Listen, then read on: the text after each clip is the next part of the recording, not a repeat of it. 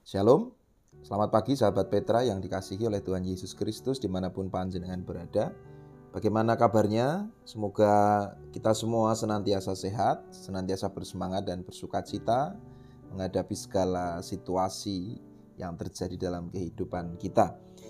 Dan jangan pernah lupa untuk senantiasa mengasihi setiap orang yang kita jumpai karena itu yang dikehendaki Tuhan atas hidup kita.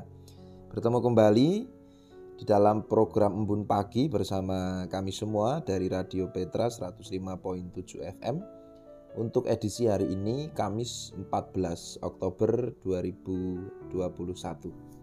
Kali ini bersama dengan saya Pendeta Eko Iswanto dari GKJ Medari Sleman. Kita akan mengawali hari ini dengan mendengarkan firman-Nya sehingga kita bisa mengerti apa yang dikehendaki Tuhan untuk kita kerjakan dalam kehidupan kita. Oleh karena itu sebelum kita bersama-sama mendengarkan eh, firman Tuhan, mari kita berdoa, mohon pertolongan Tuhan agar kita mengerti memahami kehendaknya melalui pewartaan sabda hari ini. Mari kita berdoa, saya hantarkan. Kami berterima kasih ya Allah, karena kebaikanmu kau membangunkan kami untuk menerima panggilanmu atas kehidupan kami untuk kami kerjakan secara khusus untuk hari ini. Kami ingin mengawali hari ini dengan kami mendengarkan sabdamu, maka tolonglah kami untuk bisa mengerti, memahami firman-Mu. Biarlah kami juga Engkau beri kekuatan, kemampuan, tekad untuk mengerjakan firman-Mu di dalam kehidupan kami sehari-hari. Hambamu yang penuh akan dosa, kesalahan, dan pelanggaran ini berkenanlah kiranya Allah melayakkannya untuk menyampaikan kebenaran-Mu atas kami semua. Kami mohon pertolongan Tuhan untuk perenungan firman-Mu pada hari ini. Dalam nama Kristus Tuhan Juru Selamat kami. Amin. Sahabat Petra yang dikasihi oleh Tuhan Yesus Kristus, perenungan kita untuk edisi hari ini Kamis 14 Oktober 2021 terambil dari 1 Samuel pasal 3 ayat yang ke-19. 1 Samuel pasal 3 ayat yang ke-19. Uh, ya, saya baca sampai 21 ya, biar agak agak komplit begitu. Walaupun seharusnya dibaca dari awal sehingga kita mengerti Konteksnya secara lebih yang Gunung Kidul lagi lebih proper ya. Baik saya bacakan ayat 19 sampai 21. Dan Samuel makin besar dan Tuhan menyertai dia dan tidak ada satupun dari firmannya itu yang dibiarkannya gugur. Maka tahulah seluruh Israel dari Dan sampai Beersheba bahwa kepada Samuel telah dipercayakan jabatan Nabi Tuhan. Dan Tuhan selanjutnya menampakkan diri di Silo Sebab ia menyatakan diri di Silo kepada Samuel dengan perantaraan firman-Nya. Sahabat Petra yang dikasih oleh Tuhan Yesus Kristus, demikian tadi firman Tuhan yang terambil dari 1 Samuel 3 ayat 19 sampai 21. Tema kita untuk hari ini adalah hidup dan pelayanan Samuel. Nah, tentu kita sudah tahu ya kisah kehidupan Samuel. Ini salah satu kisah yang cukup populer dalam kekristenan begitu. E, kalau bagi kita yang dulu belajar sejarah suci seperti itu, e, kronologi sejarah suci atau sejarah penyelamatan atau sejarah karya Allah yang sampai kepada Kristus dan gereja begitu, pasti tidak tidak pernah melewatkan e, kisah tentang Samuel ini.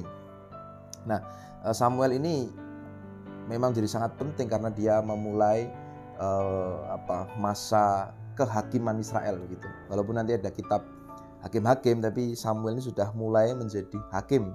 Tapi di satu sisi dia juga menjadi nabi di titik tertentu, juga menjadi uh, imam begitu. Jadi merangkap jabatan. Sebelum jabatan-jabatan itu kemudian dipisah dalam perkembangan Israel selanjutnya.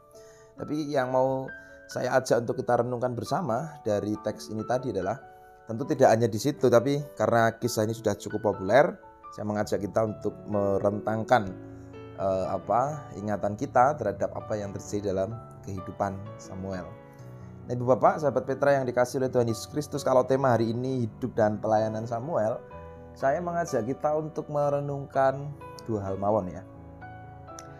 Jadi yang pertama, Samuel atau kisah hidup Samuel itu mengajarkan kepada kita supaya di dalam kita mengerjakan pelayanan kalau kita bicara pelayanan, biasanya kita langsung uh, terasosiasikan dengan pelayanan di gereja.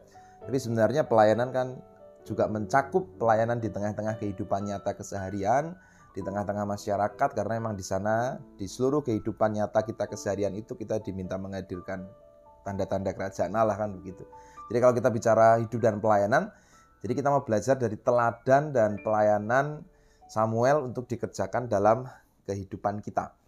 Jadi yang pertama kita belajar bahwa Samuel itu uh, tidak apa ya istilahnya itu bukanlah seorang penjilat gitu ya. Jadi Samuel ini bukan orang yang kemudian takut dengan penguasa uh, lalu asal um, dia mena lalu menampilkan diri yang penting penguasa itu senang lalu takut menyampaikan kebenaran kepada pihak yang berkuasa takut posisinya terancam kalau dia menyatakan kebenaran kayak gitulah. Jadi Samuel ini tipe orang yang bukan apa ya istilahnya bukan penjilat jangan tahu ya penjilat. Penjilat itu lari ya kilat kilat kilat itu tahu ya penjilat itu pokoknya e, bersikap menyenangkan atasan e, seseorang atau pihak yang ada di atasnya supaya posisinya aman supaya dia senang supaya dia mendapatkan benefit atau keuntungan bagi kehidupannya gitu.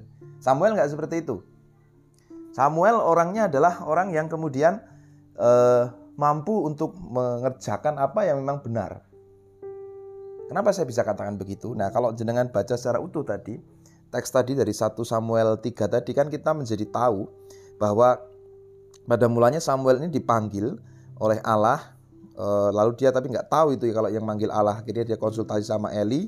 Kemudian eh, Eli Imam Eli waktu itu mengatakan bahwa ya udah eh, nanti kalau dipanggil jawablah berbicara berbicara Tuhan aku siap mendengar kayak gitu atau karena hambamu mendengar gitu nah Ternyata apa yang disampaikan Allah kepada uh, Samuel, ternyata Allah menyampaikan bahwa Allah akan mengakhiri periode kehakiman dari keluarganya Eli.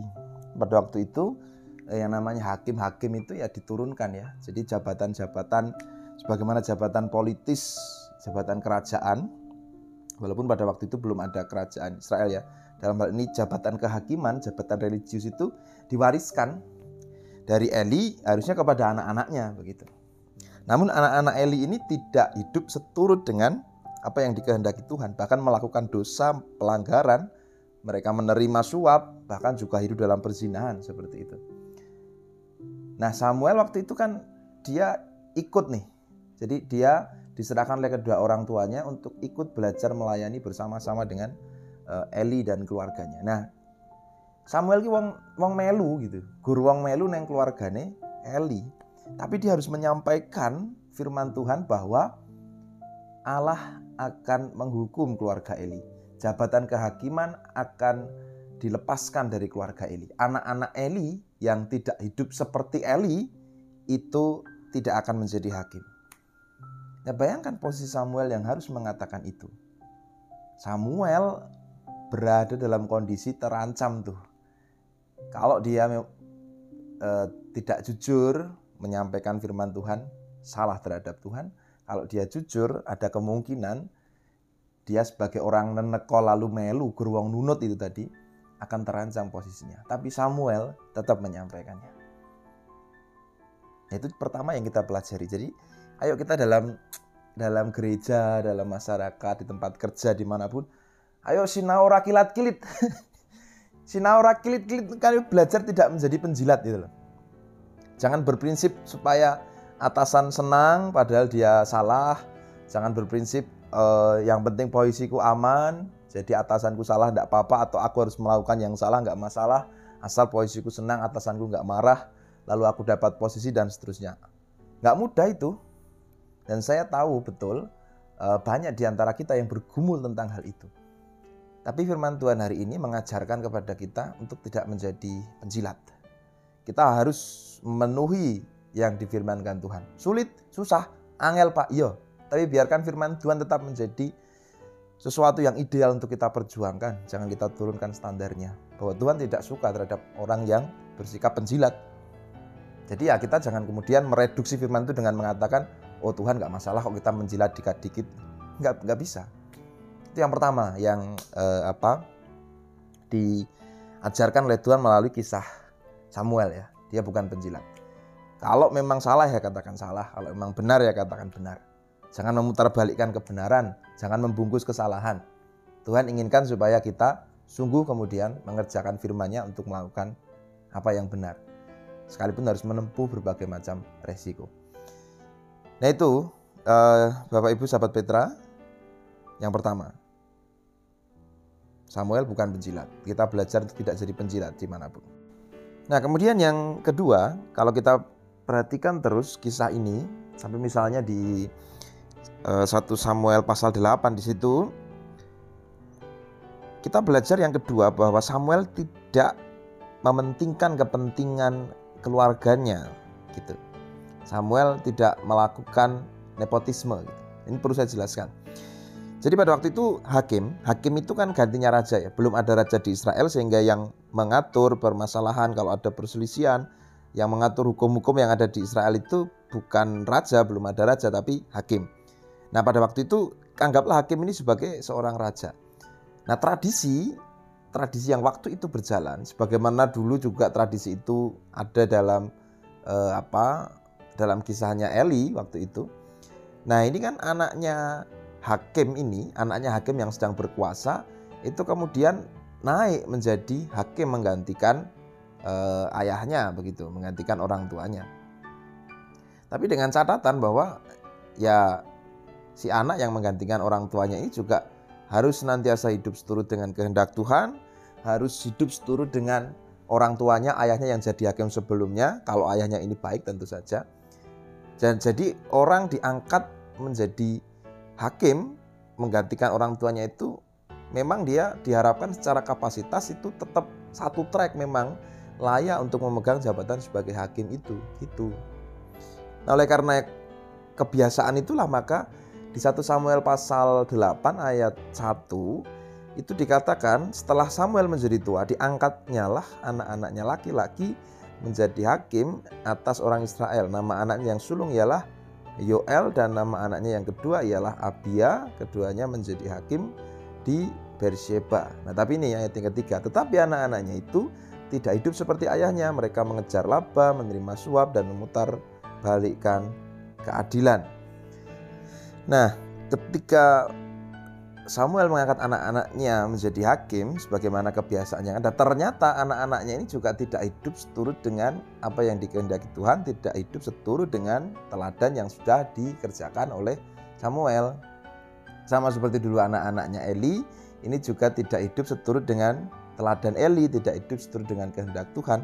Anak-anaknya Samuel ini juga tadi melakukan suap, menerima suap, memutarbalikkan keadilan. Nah itu yang membuat di ayat-ayat selanjutnya orang Israel ini meminta kepada Samuel agar mereka diberikan seorang raja. Artinya mereka ingin me, apa, meminta Samuel ini mengubah sistem pemerintahan Israel dari yang tadi kehakiman katakanlah menjadi sistem kerajaan. Nah memang diceritakan di situ Samuel kesal karena uh, sebenarnya kritiknya orang Israel itu benar ya. Anak-anakmu ini nggak seturut dengan kehendak Tuhan kok nggak seturut dengan teladan yang sudah kamu lakukan kok mereka terima suap kok mereka memutar balikkan keadilan kok yang salah dibenarkan yang benar disalah kok. Benar nih kritiknya orang Israel. Tetapi kritiknya orang Israel ini sebenarnya dibungkus oleh sesuatu yang tidak dikehendaki Tuhan juga gitu. Karena Orang-orang Israel ketika datang kepada Samuel itu begini, berikanlah, uh, sorry, engkau sudah tua dan anak-anakmu tidak hidup seperti engkau, maka angkatlah sekarang seorang raja atas kami untuk memerintah kami seperti pada segala bangsa-bangsa lain. Jadi mereka itu motivasinya karena ingin seperti bangsa lain. Nah di situ dalam cerita itu dikatakan bahwa ketika mereka minta raja supaya seperti bangsa lain berarti mereka sedang menolak Allah sendiri yang memerintah mereka melalui hakim-hakim. Mereka sedang menolak untuk menjalankan rencana Allah untuk menjadikan mereka sebagai umat pilihan yang dikhususkan. Begitulah kira-kira uh, perspektif teks terkait dengan hal ini begitu. Nah, sekalipun Samuel kesal, namun dia kemudian berdoa kepada Tuhan, lalu Tuhan berkata kepada Samuel, supaya Samuel menyetujui usulan mereka. Karena Allah sendiri mengatakan sebenarnya bukan kamu yang ditolak, tapi aku yang ditolak gitu. Nah, jadi yang kedua ini kita belajar bahwa uh, Samuel tidak berupaya untuk kemudian apa ya mempertahankan sistem kehakiman demi anak-anaknya tetap menjadi hakim. Dia uh, rela melepaskan itu untuk berganti kepada sebuah sistem pemerintahan ketika itu sudah diperintahkan oleh Tuhan dan pergantian sistem pemerintahan itu dipakai Allah untuk mendidik Israel maka Samuel tetap setia kepada firman Tuhan itu dengan lalu menyampaikan besok kalau kamu punya raja konsekuensinya begini loh begini begini begini dan akhirnya kita tahu bahwa Samuel memang lalu uh, apa dipakai Tuhan menuruti perintah Tuhan untuk mengurapi Saul kemudian nanti juga eh, apa mengurapi Daud. Jadi Samuel ini menyetujui tunduk pada firman Tuhan, pada kehendak Tuhan. Samuel tidak tunduk pada permintaan orang banyak loh. Samuel tunduk pada apa yang diperintahkan Tuhan. Sekalipun dia didesak oleh masa dengan luar biasa, tapi Samuel tidak tunduk pada mereka. Dia bertanya pada Tuhan apa yang harus dikerjakan. Dan ketika Tuhan katakan ya udah turuti aja permintaan mereka, maka Samuel pun merelakan. Ketika keluarganya pun harus tersingkir dari sistem kehakiman karena berganti dengan sistem kerajaan. Nah, Bapak Ibu, saudara-saudara, sahabat Petra yang dikasih oleh Tuhan Yesus Kristus, yang kita pelajari yang kedua ini adalah bahwa Samuel tidak tidak apa ya, tidak mempertahankan nepotisme, tidak melakukan segala sesuatu, menghalalkan segala cara demi kepentingan keluarganya, apalagi kelompoknya, keluarganya aja tidak dipentingkan namun lebih mementingkan firman Tuhan. Dalam arti kalau keluarganya salah, kalau Tuhan justru menghendaki supaya dia melakukan sesuatu walaupun merugikan keluarganya, walaupun keluarganya tidak mendapatkan keuntungan, privilege, keistimewaan menjadi hakim, maka Samuel mengikhlaskan. Ya, yang kedua ini ayo kita coba dalam kehidupan ini um, memang mengarah untuk mengerjakan firman Tuhan itu walaupun ya harus bertentangan dengan orang-orang terdekat kita, dengan keluarga, dengan sahabat, dengan uh, teman-teman sepergaulan kita, dengan kerabat kayak gitu. Kalau memang salah ya ya kita tetap memperjuangkan yang benar gitu. Bagi susahnya bukan main. Apalagi misalnya di tengah keluarga gitu. Kalau misalnya seorang istri itu sebenarnya salah karena relasinya udah dekat, ya suami sering kali susah bersikap objektif begitu. Ya mesti cenderung membelani istrinya. Demikian juga seorang suami yang salah bersalah terhadap orang lain misalnya. Nah, sang istri ini tahu sebenarnya itu suaminya salah nih ya angel juga untuk kemudian ikut menyalahkan suaminya. Biasanya tetap membelani pihak-pihak no bojone begitu. Begitu juga dengan misalnya anak-anak kita, orang tua kita, kerabat kita, teman gitu. Kita tahu teman ini salah. Berhadapan dengan orang yang misalnya musuh kita gitu ya atau orang yang berkonflik dengan kita, orang yang padu bertentangan dengan kita. Ada teman kita namanya A, lalu orang yang bertentangan dengan kita, yang berkonflik dengan kita itu B. Kita tahu sebenarnya B itu betul dan A ini salah. Tapi persoalannya karena A ini konco kita, lalu B ini katakanlah musuh kita, orang yang tidak kita sukai, ya susah untuk kemudian membela B lalu menyalahkan A. Biasanya ya pihak-pihak no belokan sana gitu. Nah ini Pelayanan dan hidup kemasyarakatan serta hidup keseharian yang tidak bisa lepas dari kepentingan-kepentingan seperti ini itu yang lalu kadangkala susah untuk sungguh mengarah kepada apa yang benar yang dikehendaki Tuhan. Termasuk juga di dalam gereja, dalam pelayanan.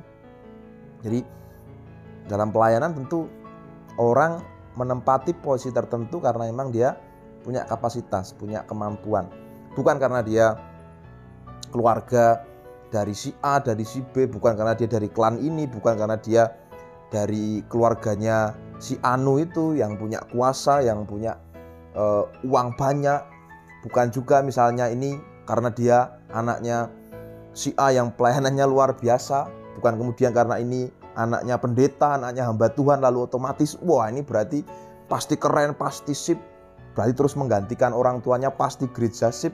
Tidak bisa. Orang terlibat dalam pelayanan, lalu kemudian bisa mengerjakan pelayanan, memimpin suatu e, komunitas pelayanan ya karena emang dia punya kapasitas. Itu sudah ditunjukkan tuh pada waktu Eli. Itu biasanya Eli anak-anaknya jadi hakim kan. Allah nggak suka. Anak-anaknya nggak seturut dengan kehendak Tuhan dan tidak sesuai kehidupan Eli. Samuel juga gitu. Samuelnya sih oke, anak-anaknya nggak oke. Nah, jadi ikatan kekeluargaan yang sering kali biasanya dipentingkan harus semuanya itu di apa ditundukkan di bawah kebenaran firman Tuhan di bawah kehendak Tuhan yang lebih agung. Siapa pun panjenengan, siapa pun itu, apa pun kapasitas panjenengan, apa pun kemampuan panjenengan, apa pun posisi panjenengan, mari kita bersama-sama menundukkan diri di bawah kebenaran yang sejati, yaitu firman Tuhan dan kehendaknya. Nah, Bapak Ibu, Saudara, itu aja yang kita pelajari pada hari ini. Yang pertama, mari belajar untuk tidak menjadi penjilat seperti Samuel berani mengatakan yang benar, tidak mencari amannya sendiri. Yang salah katakan salah, yang benar juga katakan benar. Dan berikutnya, mari melayani, menjalani hidup keseharian dengan tidak mementingkan kepentingan keluarga kita atau pertemanan kita. Kita harus berjuang supaya kalau memang keluarga kita salah, ya kita kandani. Bukan lalu salah benar kita bela. Demikian juga kalau teman kita salah, ya kita kandani gitu. Demikian juga kalau kita salah, ya gelem dikandani kan begitu. Nah dua hal itu aja yang kita bisa renungkan dan mari kita perjuangkan untuk kita kerjakan dalam kehidupan kita. Mari kita mohon pertolongan Tuhan supaya kita bisa mengerjakan firman-Nya. Mari kita berdoa. Terima kasih ya Allah karena Engkau mengizinkan kami untuk belajar dari kehidupan dan pelayanan Samuel maka biarlah kami boleh meneladan kehidupan dan pelayanan Samuel itu bisa kami kerjakan, bisa kami contoh untuk kami lakukan dalam kehidupan kami keseharian. Berhadapan dengan situasi-situasi nyata kami sehari-hari, baik di gereja, baik di tengah-tengah tempat kerja kami, di tempat di tengah-tengah pergaulan kami, pertemanan kami maupun di masyarakat secara luas. Kiranya Engkau memampukan kami untuk sungguh bisa bermentalitas sebagai anak-anak Tuhan yang taat dan setia, Anak-anak Tuhan yang selalu mengerjakan kebenaran dan tidak hanya mencari kepentingan sendiri, tidak bersikap seperti penjilat, tapi sungguh menjadi alat-alat untuk mewartakan kebenaran firman-Mu di tengah-tengah kehidupan ini. Biarlah kami juga mampu untuk melayani, untuk mengerjakan seluruh tanggung jawab hidup kami dengan tidak mementingkan kepentingan keluarga kami, teman kami, orang-orang yang dekat dengan kami. Biarlah kami semua menundukkan diri di bawah kebenaran kehendak-Mu yang kudus. Tolonglah kami untuk mengerjakan firman-Mu itu dalam kehidupan kami sehari-hari. Biarlah ketika kami jatuh bangun untuk mengerjakan firman-Mu, Engkau senantiasa menopang kami untuk terus maju, memperjuangkan firman-Mu itu dari hari ke hari sehingga kami semakin menyerupai kehendak-Mu sendiri dan semakin memiliki karakter sebagaimana putramu Kristus Yesus. Kami mohon berkat pertolongan-Mu ya Allah untuk mengerjakan segala tugas tanggung jawab kami seharian ini. Kami berdoa dalam nama Tuhan kami Yesus Kristus Juru Selamat kami yang hidup. Amin. Demikian Sobat Petra yang dikasih oleh Tuhan Yesus Kristus Perenungan kita untuk Embun Pagi edisi hari ini Kamis 14 Oktober 2021 Mohon maaf kalau ada kesalahan, kekurangan dalam saya menyampaikan renungan pada hari ini Selamat melanjutkan kehidupan kita untuk hari ini dan memperjuangkan firman-Nya, firman Tuhan untuk kita kerjakan dalam kehidupan kita sehari-hari. Saya Pendeta Eko Iswanto dari GKJ Medari Sleman mohon pamit. Sampai ketemu kembali di program Embun Pagi edisi-edisi berikutnya dan jangan lupa untuk senantiasa mengasihi setiap orang yang kita jumpai dalam kehidupan kita. Tetap sehat, semangat, dan sukacita. Tuhan Yesus memberkati. Amin.